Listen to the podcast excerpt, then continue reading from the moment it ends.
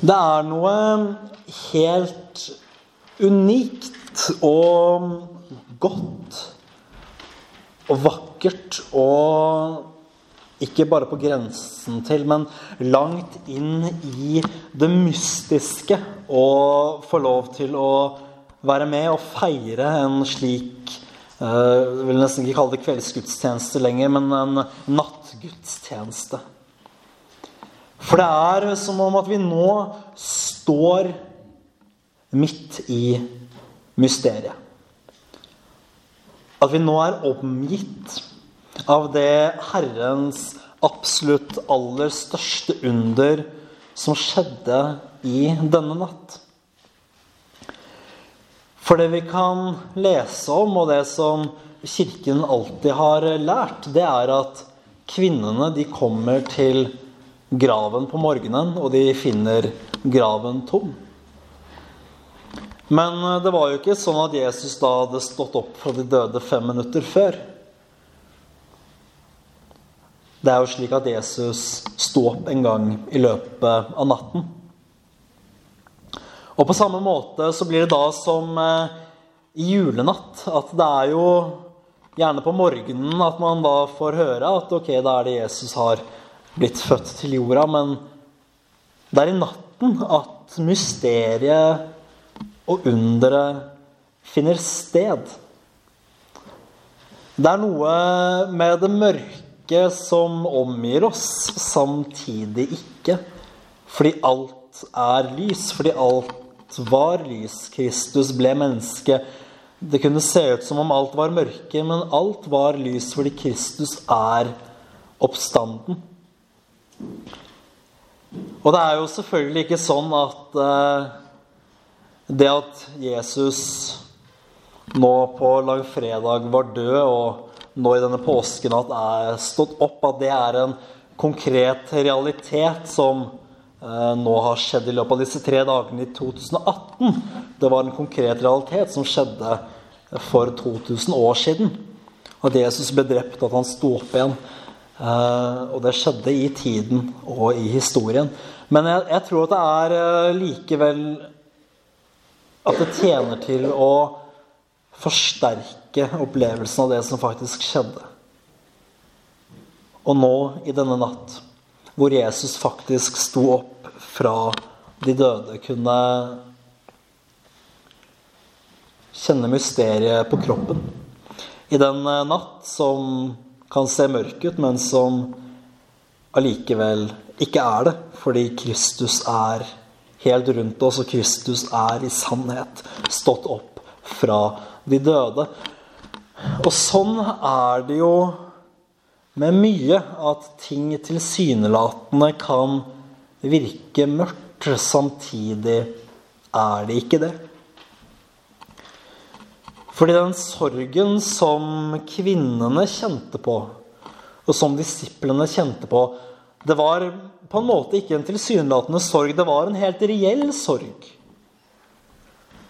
Deres kjære Jesus var død. Den sorgen Jesus kunne kjenne på, den angsten Jesus kunne kjenne på, den var også helt reell. Og i møte med langfredagens ja, jeg vil kalle det skrekk og gru og forferdelse, så vil også vår sorg kunne gi seg til kjenne. Og vår sorg, den vil være todelt. Først over det hvor Jesus måtte lide men også over vår egen synd som gjorde denne lidelsen nødvendig. Men så kan sorgen også følges av en eh, forventning. Mon tro om ikke kvinnene og læresveinene eller disiplene også kanskje kjente på en form for forventning. Vi kan lese andre steder i Skriften enn det vi har lest i kveld, at de disiplene hadde låst seg inne fordi de var redde. Men kanskje satt de der ikke bare i redsel, men også i forventning. Var alt tapt, lurte de kanskje på. Kunne det være at noe godt kunne komme ut av dette likevel. Kvinnene, som i denne fortellingen absolutt kan sies å være de modigste, som ikke var redde jødene, og som låste seg inne på et rom, men som gikk til graven for å se til Jesus sin kropp. Kanskje de hadde en forventning om at noe likevel skulle skje, for etter hvert som ting utspilte seg, så husket de jo mer og mer av det Jesus hadde sagt. Og de forsto riktignok ikke alt før etter oppstandelsen, men sa han ikke noe om at han ja, han skulle lide og dø, men også stå opp? Så sto han altså opp. I denne natt så sto Jesus opp. Og det er et under uten like som er vanskelig å forstå. Det er nesten så at jeg selv sliter med å forstå og at det er sånn at min kropp ikke klarer å skjønne hvilken gledestilstand den skal sette seg selv inn i. Fordi det er så stort at man blir bare stående og måpe. Man blir stående og gape og prøve å ta inn over seg hva det er som faktisk er skjedd. Og man kan jo lure på om kvinnene og disiplene, etter hvert som de også fikk høre om dette, om de var i stand til å ta inn over seg alt dette som var skjedd. Vi kjenner en som ikke var det. Thomas het han. Han måtte se for å kunne ta det inn over seg. Og hva betyr egentlig alt dette? Når jeg skal snakke om påskens budskap, så er jeg tydelig på at uh, korset og den tomme graven de må gå hånd i hånd. At vi kan ikke ha det ene betydningsfulle uten det andre.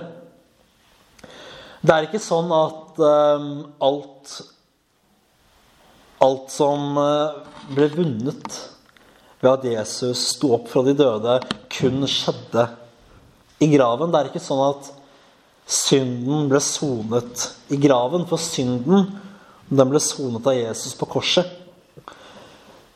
Samtidig må vi også holde fast ved at hadde det ikke vært for den tomme graven, så hadde korset vært til ingen nytte. Da hadde korsets lidelse og skrekk vært uten hensikt, og alt hadde vært tapt.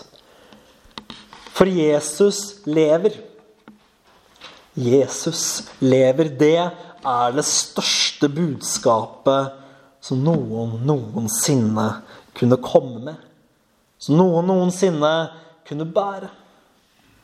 Det er det største under som Gud Fader noensinne kunne satt i stand. At Jesus Kristus lever. For konsekvensene av dette, det er, sammen med korset så er den tomme gravens budskap at en hel menneskeslekt er frelst. At synd og skyld for en hel menneskeslekt er tilgitt og sonet. Det er ganske sterkt, og det er ganske viktig. Og ikke nok med det, evig liv er vunnet for alle de som vil tro på Jesus.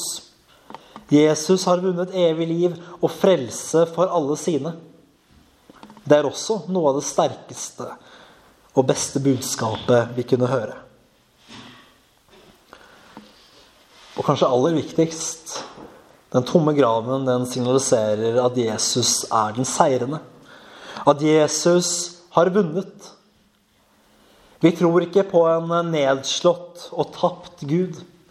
Vi tror på Han som i sannhet er den, ja, korsfestede, korsfestede men også den oppstandende Herre og Frelser. Vi tror på himmelkongen som ingen lenker kunne holde nede, som ingen grav kunne holde fanget.